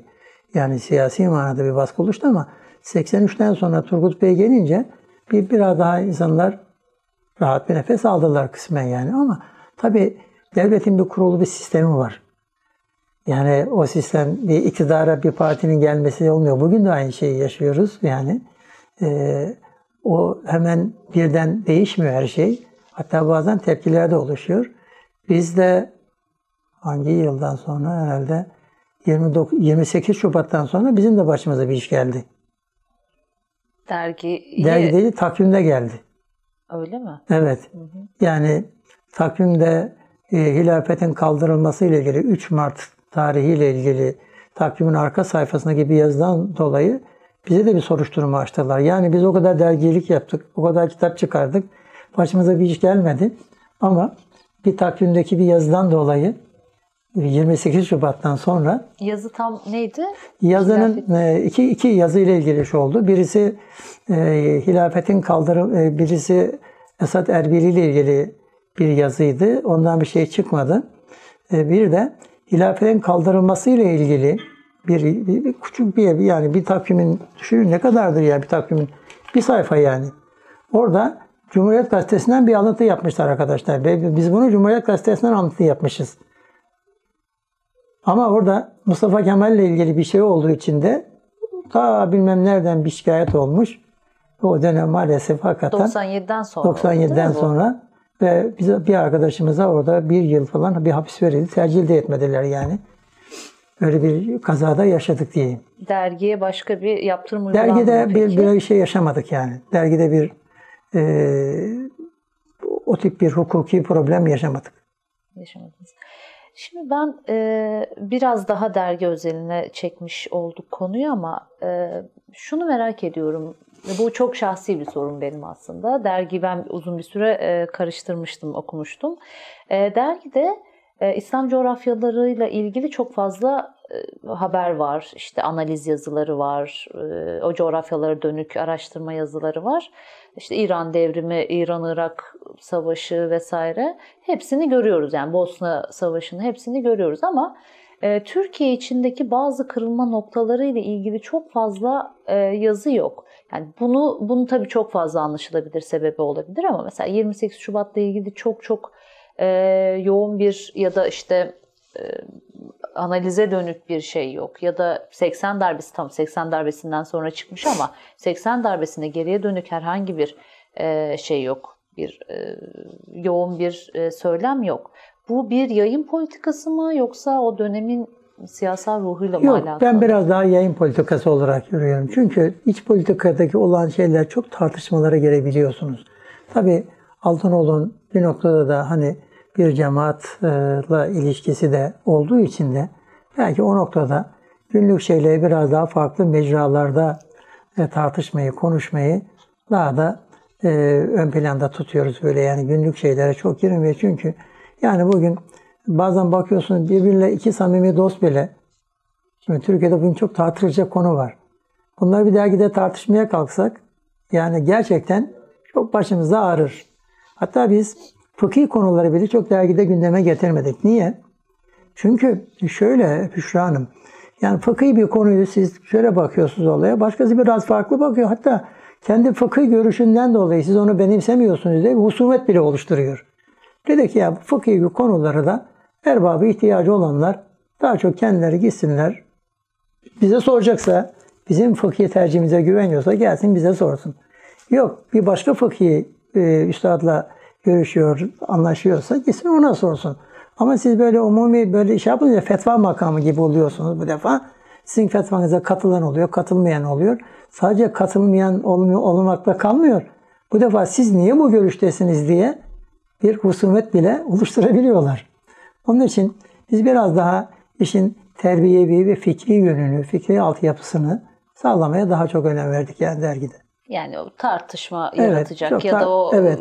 e, kırılma noktaları Kırılma oluşturacak alandan bilerek geri Evet. duruyoruz, duruyorsunuz. Peki bu politika hala devam ediyor mu yayıncılığınızda ya da dergiciliğinizde? Bir de tabii şöyle yani bizim e, bu aylık bir dergi bu. Bir aylık, bir haftalık dergide bunlar daha çok tartışabilirsiniz. Ama bir aylık dergiler daha çok fikri zemini olan bilgilendirme kaynaklı dergilerdir. Yani ben öyle bakıyorum olaya. Daha eğitici dergilerdir. Ama bir günlük gazetede her şeyi konuşursunuz, yazarsınız. Haftalık bir dergi çıkarırsınız. Onda çok iç gündemden kopamazsınız yani. Ama aylık dergiler genelde daha e, öğretici, eğitici, yönlendirici, ufuk koyucu dergilerdir diye düşünüyorum. Ee, şimdi İstanbul merkezli kuruluyor Erkam Yayınları ama hem yurt dışında çok geniş bir e, ağının olduğu yani yurt dışına da çok fazla kitapların gittiğini görüyoruz ya da farklı dillerde yayınlar da yapıyorsunuz. Dergi de hakeza özellikle derginin çok fazla yurt dışında takipçisi olduğunu biliyoruz. Bu ağı nasıl kurdunuz ve Şöyle tabii e, e, Büşra Hanım aslında e, bir takım hizmetler başka hizmetlere yan yana da yürüyor. Yani siz bir yere derginiz gidecekse orada bir yapılanmanız varsa veya sizi daha evvel bir yerde okuyan arkadaşınız varsa mesela ben size bir misal vereyim. Bizim Gana'da bir arkadaşımız var eczacı. Yani arkadaşımız gelmiş Ankara'da okumuş. Hatta eee Hak Yol Vakfı'nın bak isim de veriyorum yani. Hak Yol Vakfı'nın yurtlarında kalmış bu kardeşimiz. Ama bir Türkiye sevdalısı. Sizle bir yerde buluşuyor bu arkadaş. bizim bir kitabımızı okumuş Faraza. Bizim bir dergimizi görmüş. Hatta 6 nokta önce genç dergimini görmüş galiba bir yerde. Ee, ondan sonra ya, bir, ya işte dedi ya ben de buralarda bu dergileri okumak, okutmak, bu manada sizlere temas etmek istiyorum dedi. Ve gerçekten o arkadaşımız o da bir ufak ya sizin kitaplarınız var bunları İngilizceye çevirirsiniz. Birçok kitabı İngilizceye çevirdik. Onların da orada bir yapısı var. Türkiye'den destek de alıyor tabii yani bu manada. Ee, orada da bir takım oluşumlar oluyor. Böyle olunca da bir zeminleriniz oluyor. Bazen eseriniz çok güzel oluyor ama her şey insanla kayın. Yani sizin o mesajı taşıyacak insanınız yoksa mesaj gitmiyor bir yere yani. Tabii. Bazen bakıyorsunuz farklı bir yerden internette buluşuyor mesela bir e, ta e, Amerika'da birisi ne bileyim şeyde internette Osman Nuri Topbaş hocamızın Son Nefes kitabının İngilizcesini okumuş. Allah hayatı değişmiş. Filistin'den göçmüş böyle çok farklı bir dünyadayken hatta onunla ilgili çok güzel böyle anekdotlar var yani. Sonra diyor ki bırakıyor hayatı tamamen ya ben bir Müslümanım diyor. Bakıyor Son Nefes diye bir kitap var diyor. Derdine düştüm diyor. Ee, şeye çıkıyor. Ee, Omre'ye gitmek istiyor. Yolda e, bir bu şeylerden herhalde olaylardan yolda bir şarapnel mi düşüyor. O anda bir vasiyet yazıyor. Aman diyor yani bu kitabın müellifiyle buluşulsun vesaire gibi böyle insana çok heyecan verici maceralar yaşanıyor. Veya bir kitabınızı tercüme edin, internetten alıyor. Orada bir mesela Rusya'da hakikaten çok güzel neticeler aldık. Rusya'da yayın yapamıyoruz belki ama internet üzerinde oraya bir kitabınızı gönderiyorsunuz. Orada çoğaltıyorlar mesela bir grup. Kendileri, kendi imkanlarıyla çoğaltıyorlar. Hapishanelere veriyorlar. Hapishanede birisi diyor ki ya burada diyor ya Rabbi diyor ben şimdi Müslüman olacağım. Kelime-i şehadetime şahitlik yapacak yok. Bari mektupla olsun bu diyor. Mektup yazayım buraya. Benim Müslüman olduğumu bilsinler bu insanlar diyor. Böyle şeyler geliyor değil çok, mi size? Çok farklı yani. Yani zaten insan o bir tane mektup bazen insanın 40 yıllık emeğini amorti ediyor. Var mı arşivinizde peki böyle şeyler? Çok. Arşivimizde çok yani bu tip şeyler. Evet, ilginç anekdotlarmış gerçekten. Ee, biraz daha sona yaklaşırken sizden böyle bir genel değerlendirme almak istiyorum. Nasıl bir genel Yayın, değerlendirme? Yayıncılığın çok içinden gelmiş bir insansınız. Hem e, aktif yayıncılığınızdan önce zaten bütün anlattığınız kadarıyla neredeyse Türkiye'de çıkan önemli yayınların hepsiyle temasta bulunmuşsunuz. Sonra da fiili bir yayıncılık süreciniz var. Bugün hala devam ettiği gibi. E, Türkiye'de bu kültür yayıncılığı özellikle hem İslami hem kültür yayıncılığının birlikte gitmesi ve e, okuyucu kitlesinin dinamiği açısından değerlendirdiğinizde 80 sonrasında Müslümanlarda nasıl bir dönüşüm yani kültürel bir birikim olarak nasıl bir dönüşüm gerçekleşti? En önemli, en yükseliş dönemleri ve en düşüş dönemleri olarak bir şeyler anlatabilir misiniz? Tabii bazen şöyle bir şey oluyor ee, Büşra Hanım. Alan bir boş oluyor ve insanlar bir şeyin özlemi içinde oluyor. Belki 80 sonrasını böyle değerlendirmek lazım. Yani 80 sonrası hem o güne kadar gelen bir gençliğin onu da çok düşünmek lazım. Yani 80 öncesiki Türkiye'deki gençliği de okumak lazım. Yani 80 öncesi gençlik biraz daha hani böyle soğuğa dayanıklı, dayanıklı diyeyim bir gençlikti bence. Daha okumaya meraklı ve kendine göre bir ufku hedefi olan bir gençti. Okuma arzusu vardı. Bu okuma arzusu bir ihtiyaçtı. O ihtiyacı görünce de birileri yani birileri derken bu birileri kelimesi bazen yanlış anlıyor. Bir takım insanlar Öyle bir ihtiyacı görünce de onlar da bir faaliyete geçtiler. Ve orada işte bu İran meselesi olsun diye başka bir takım dünyada gelişmeler belki o gençliğin daha okumasını. Ama insanoğlu bazen biz ona hani e, yorulmak diyoruz. Bazen işbah haline geliyor. Sanki şimdi böyle bir doyum hali var gibi. Veya Kur'an'ın üzerinde en çok üzerinde durduğu konulardan birisi insanın dünyevileşmesi. Şimdi sanki biraz daha dünyevileştik. Yani e, daha çok imkanlar oluyor insanların. Daha farklı alanlara kayıyor. Ben biraz öyle bakıyorum. Halbuki e, yani ilk neslinin, sahabe neslinin belki e, inşa olduğu şey hani Sezai Karakoç'un Allah razı olsun ki Allah hayırlı ömür versin diyeyim. o kıyamet aşısı vardır. Gençlere hep onu tavsiye ederim. Kıyamet aşısı. Diyor ki Resulullah sahabesine öyle bir kıyamet aşısı yaptı ki diyor. Yani onlar sanki bir adım attıkları zaman orada kıyamet var gibi yaşadılar hep. Yani bakıyorsun sahabeye diyor ki işte şu Uhud Dağı'nın tepesine çıkarsam orada cennet var diyor. Yani yani şehit olursam cennet var diyor. Böyle bir nesil. Onlar hiç kendilerini dünyaya kaptırmadılar yani. Hatta belki de daha sonraki asırlarda tasavvufun çıkışı da hep buraya da bağlanıyor. İslam coğrafyasında bu fetihlerle gelen o maddi imkanlarla dünyevileşme çoğalınca o aslı saadetin özlemini çeken bir takım insanlar ya biz nereden nereye gidiyoruz? Kendimizi kaptırdık dünyaya. Sahabe böyle yaşamıyordu deyip işte daha müzevi hayat yaşamaya, tabii tasavvufun kendi içinde böyle e, gelişmeleri var. Yani bir dönem tamamen zühtü olarak kalmış. Bir dönem daha sonra eserler vermeye çalışmış. O züht yaşadıkları hayatı ifade etmeye çalışmışlar. Daha sonra şimdi tefekkür tarafı gelişmiş. O ayrı bir konu tabii. Onun için e, ben yani biraz bu dönemi e, dünyada genelde bir de daha farklı iletişimlerde olunca mesela biz şimdi biraz yayıncılığın daha çok dijital dünyaya kaydını görüyoruz. Evet. Mesela diyelim ki Genç Dergi'yi işte 7-8 bin basıyoruz. Bakıyoruz ki internetten 20-30 bin okunuyor. O zaman yani vasıtaları değiştirmek gerekiyor. Ama hiçbir zaman şu kağıdın şeyi geçmez. Ee, ayrıcalığı bitmez yani. Okumak biraz da kağıttandır yani öyle diyeyim yani. Kağıt doyurur insanı. E, okumak doyurur. Biraz daha şimdi herkes hazır bilgileri hemen bas basacak şeye, Google'a girecek, şuraya girecek. Kendisine lazım olacak kadar bilgiyi almak istiyor ama bunun da bir riski var. Bu tefekkürü öldürüyor. Tefekkür için daha derin okumalar gerekiyor. Yani bir yerden bir hap alayım geçsin değil.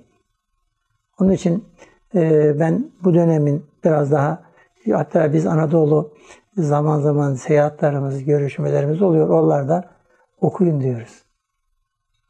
Ama daha derin okumalar yapalım diyoruz. Ee, şu şeyden bahsettiniz. Vasıtalar değişiyor çünkü dönem bu böyle bir ihtiyaç hasıl kılıyor. Ee, peki içerik değişiyor mu? Yani siz kendi yayıncılığınızda vasıtaları değiştirirken Tabii, o içeriği nereye? İçerik de, içerik de değişir. Niye? Şimdi yayıncılık bir insana ulaşma meselesi değil mi? Yani ona bir söz söyleme yani. Sözünüzü anlayan varsa bir yerde buluşursunuz. Peki gerçekten içerikte de değişmeler olacaktır ister istemez. Niye? Çünkü insanlar çok farklı kaynaklardan böyle bir adeta bilgi bombardıman altında. Ve herkese de bizim diyelim ki İslami kesim dediğimiz kesime de çok yanlış şeyler de akıyor. Kolay ulaşıyor onlara da. Yani şöyle diyeyim hani bugün e, benim gibi birisi, sakalı birisi gidip de hani isim vermeyen bir müstehcen dergiyi bayiden almaz. Sana da sonuna bakar. Utanır yani. Ya birisi elimde görürse ayıp olur der. Ama cebinde var hepsi. Öyle olunca da şimdi o e, bir yerden ona o bizim bir Müslümana yakışmayacak şey de onun gönül dünyasına inmeye başladı. O zaman biz içerimizi ona göre oluşturmak yani daha koruyucu tedbirler de almak gerekiyor. Herkese herkes her şeye ulaşıyor bugün Büşra Hanım. Herkese her şeye ulaşıyor. Çocuğumuza ulaşıyor. Yani ben zaman zaman şunu söylüyorum bir takım toplantılarda. Bir anne diyorum köşede Kur'an-ı Kerim okurken kız öbür tarafta Monte Carlo'da kumar oynayabiliyor diyorum. Aynı evin içinde. Birbirinden kopuk yaşıyor insanlar. Dolayısıyla içerikleri de belki ihtiyaca göre gerek ne bileyim işte bunun deizm var bugün geçtiğimizde bir salkın halinde yansıyan. O zaman bunun tedbirlerini almak gerekiyor. İçeriğinize onu da koyacaksınız. Veya aşırı dünyevileşmeler var. Veya maddi refahın getirdiği savrulmalar var. İsraf var, lüks var. Bir de sade Müslüman var. Ya ona daha güzel Müslüman olması için neler öğütlersiniz? Bir de her tarafına yanlışlıkların aklı bir insan varsa karşınızda e benim sadece ben bunları söylerim değil. Hani mecellede bir kaide vardır. Def-i mefasit celbi menfaatten evladır. Hukukçu olduğu bir şey söyleyeyim bunu da. Mecelle ilgili de özel bir şeyim vardı. Bu da biraz hani şimdi irfani boyutuna dönersek merhum Sami Efendi'den çok kalmıştır bize. Sami Efendi hukukçuydu çünkü. Hukukçu olduğu için de çok mecelle kaidelerinden sohbetler ederdi. Yani manevi bir takım ifadelerin hep mecelle kaidelerine dayanarak bir mantık silsilesi kurarak söylerdi. Bugün herhalde mefsedeti def etmek menfaati celbinden daha öne geçti gibi. Çünkü o kadar çok mefsedet var ki. Çocuğumuza bulaşan, ailemize, kendimize bulaşan yani. Ya bazen kendimizi savunamayacak hale geliyoruz. Onun için muhtevanın da gerçekten yeniden gözden geçirilmesi, önce zararların özellikle akide noktasındaki savrulmaların, dünyevileşme konusundaki savrulmaların e, böyle çaresi olacak müfredatlar ve muhteva oluşturmak gerekir diye düşünüyorum. Yayıncılığın buradaki konumu ne peki? Yayıncılık da bunun üzerine oturacak. Yeniden bu mefsedeti ben nasıl def ederim diye çareler arayacak. Daha böyle e, zararları önleyici ama sadece zararları önlemekle yetmiyor. O zararları önledikten sonra Allah'ın murad ettiği insan nasıl yetişir? Ne söylemek lazım insan? Çünkü insanın e, üç ihtiyacı var deniyor. Bilgi ihtiyacı, terbiye ihtiyacı, gıda ihtiyacı. Ve bugün de bu üç ihtiyaçta çok yanlış yollarda akıyor. Yani gıdalarımız çok böyle kontrol edemediğimiz bir alemdeyiz.